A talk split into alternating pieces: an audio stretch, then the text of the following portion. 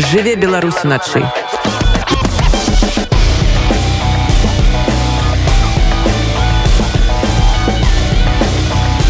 Беларускія ноцы. Александр корнышаў потрапіў у журналістыку акурат у двадцатым годзе хутка яго выданне віцебскі кур'ер было прызнана экстрэміскім а сам журналіст і прадпрымальнік стаў вымушаным эмігрантам тым не менш ён не здаецца і марыць аб тым як віцебскі кур'ер запрацуе у поўную моц слухайте гісторыю александра корнышава у падкасці я журналіст навошта вы мяне б'еце я журналіст Бьете?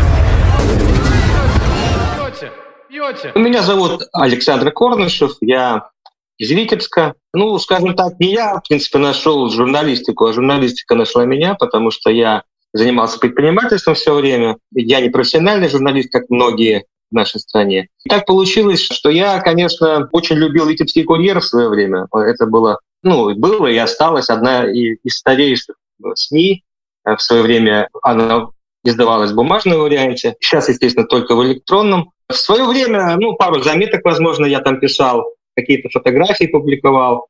Вот. Это было давно. Ну и так получилось, что в 2020 году мы решили возобновить, перезапустить Витебский курьер News под названием. И можно сказать, что такая более плотная журналистская работа, скорее даже как медиа-менеджера и как журналиста в какой-то степени, и как технического специалиста. Вот у меня началось с 2020 года, и мы сразу попали, ну, говорится, с корабля на бал, мы попали сразу на выборы, мы сразу попали на репрессии. Поэтому вот как-то так все это произошло, в какой-то степени даже случайно для меня.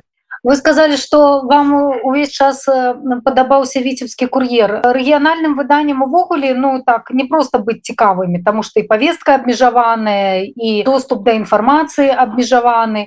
Ну і ввогуле там падзеі ну, не адбываюцца там нейкія там мега суперзначныя. Як так атрымалася ў віцебскага кур'ера, быць цікавым і любімым сярод э, чытачоў рэгіёну. Вообще это старая газета. Это очень старая газета. Она вообще появилась в 1906 году, потому что и поэтому имеет богатую историю.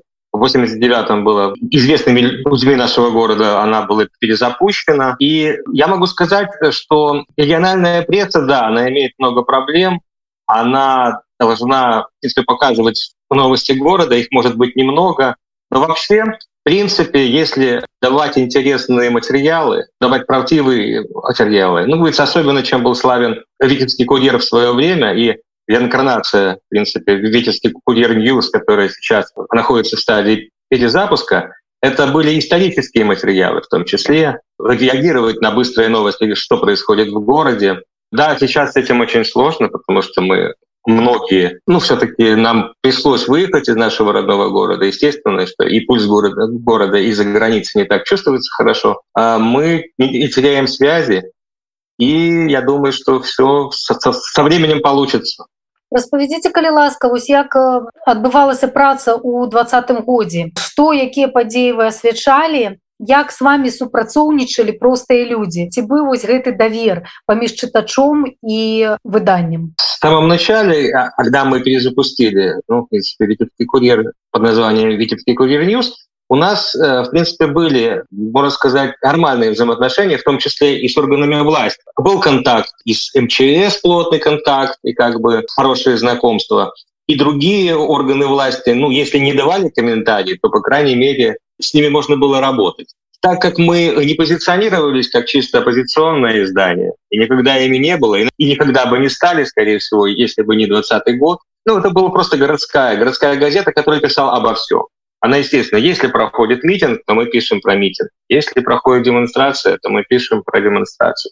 Если происходит задержание, то мы пишем про задержание. Если происходит городской праздник, и в этом участвует власть, мы тоже про это пишем, естественно.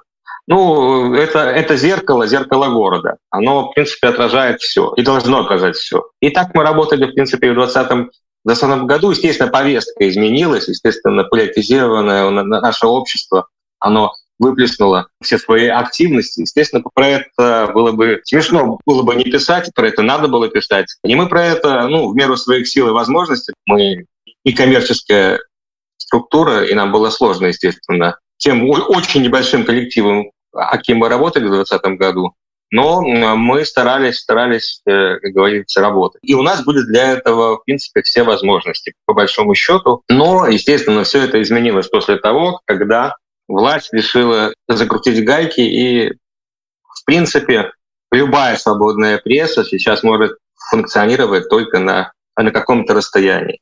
У які момант вы адчулі, што пісаць уже і асвячаць усе падзеі што адбываюцца у горадзе і ў краіне становится небяспечным еще во время так сказать оттепели так сказать, когда мы работали во время выборов и сразу после после естественно такого отключения интернета ну возможности еще были да нас задерживали в том числе и меня в принципе задерживали ну как как бы задерживали и отпускали да, работать становилось сложнее и сложнее. Я бы не сказал, что это было одномоментно. Во-первых, гайки закручивались, скажем так, медленно достаточно. А во-вторых, включалась самоцензура. Это, это самое страшное, что может произойти с журналистом. Когда ты сам прекрасно понимаешь, чтобы для того, чтобы ты физически существовал, чтобы существовало твое издание, ты начинаешь просто ну, не врать, не передергивать, но просто о чем-то не говорить. Стараться говорить меньше о том, что может вызвать очень резкую реакцию власти. Все это происходило постепенно, постепенно, и, в принципе, пришло к тому, что вначале мы, ну, это наше издание было на территории Беларуси заблокировано, а потом нас признали экстремистами, как, в принципе, наверное, всех белорусов, точнее, всех белорусских журналистов. Я, я думаю, что это происходит уже до такой степени, что можно просто всех белорусских журналистов, ну, кроме провластных пропагандистских изданий, э, объявить экстремистами, э, ну, чтобы лишний раз, как говорится, бумагу не переводить. Ну, вот как-то так это все происходило. Одномоментного я бы не сказал бы, что это произошло все одномоментно. Все было все-таки, ну, говорится, повольно. Распавядзіце калі ласка пра абставіны вашага ад'езду з Беларуси. Э, это произошло еще в 2020 году, в самом конце 2020 года, и как все люди, которые уезжали с территории Беларуси, ну точнее многие, я ехал, естественно, вначале на, на две недели, потом до Нового года, потом до весны. Сейчас уже сложно про это говорить, потому что все это такая включается психологическая самозащита. Ну, я думаю, что это у, у многих происходит. А я являлся одновременно и активистом, и естественно, что начались исследования. Я заместитель руководителя «Альтернатива», такая минская организация, и которая занималась помощью тем, кто пострадали от репрессий во время от революции 20 -го года. И начались допросы и вызовы. Вначале как свидетели, руководитель организации Олег Корбан был. Так произошло, что, э, что я решил не дожидаться, пока со мной придут, выехать. Ну, в том числе это было связано и с журналистикой, потому что я боялся, что в случае ужесточения, ну, они получат доступ к нашему сайту, и так все произойдет, то я буду вынужден выехать. Поэтому это были две причины. Одна, одна причина в том, чтобы, э, так сказать, остаться просто на свободе, а вторая причина – это то, что надо было как-то обезопасить Витебский курьер, его техническую часть, ну, доступ на хостинг и так далее.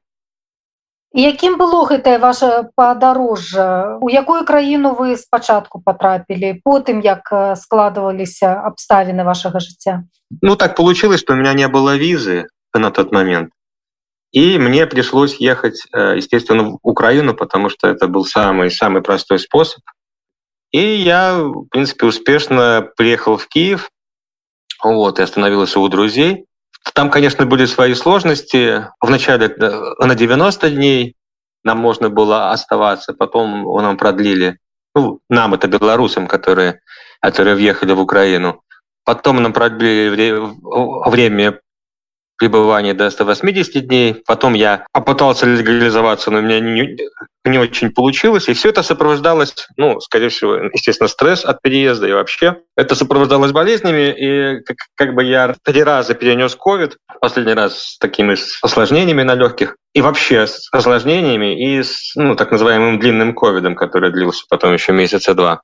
Вот. Ну и так это все произошло, что я конец своей пребывания в Украине. Я, я там находился нелегально, хотя уже и, в принципе, э, обирался перезаехать, обратиться в органы власти, и для этого все было готово.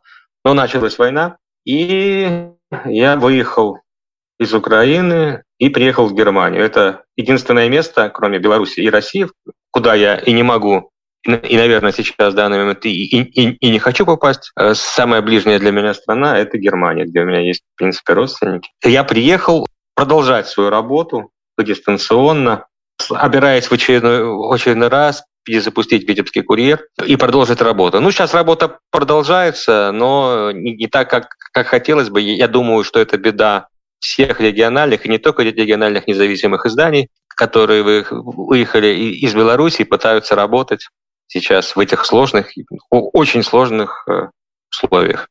Ці плануеце вы павяртацца ў Беларусь як вы сабе бачыце сваю будучыню там калі такія планы вы маеце ну, в данный момент э, приехать в Беларусь это просто невозможно хотя очень хочется но но в связи с тем что издание является э, экстремистским э, естественно моя фамилия с ним связана и общая ситуация в Беларуси, когда каждый день там происходит арест и задержание, это, э, э, это не добавляет, так сказать, хорошего настроения, и э, ну, вернуться в Беларусь сейчас практически невозможно.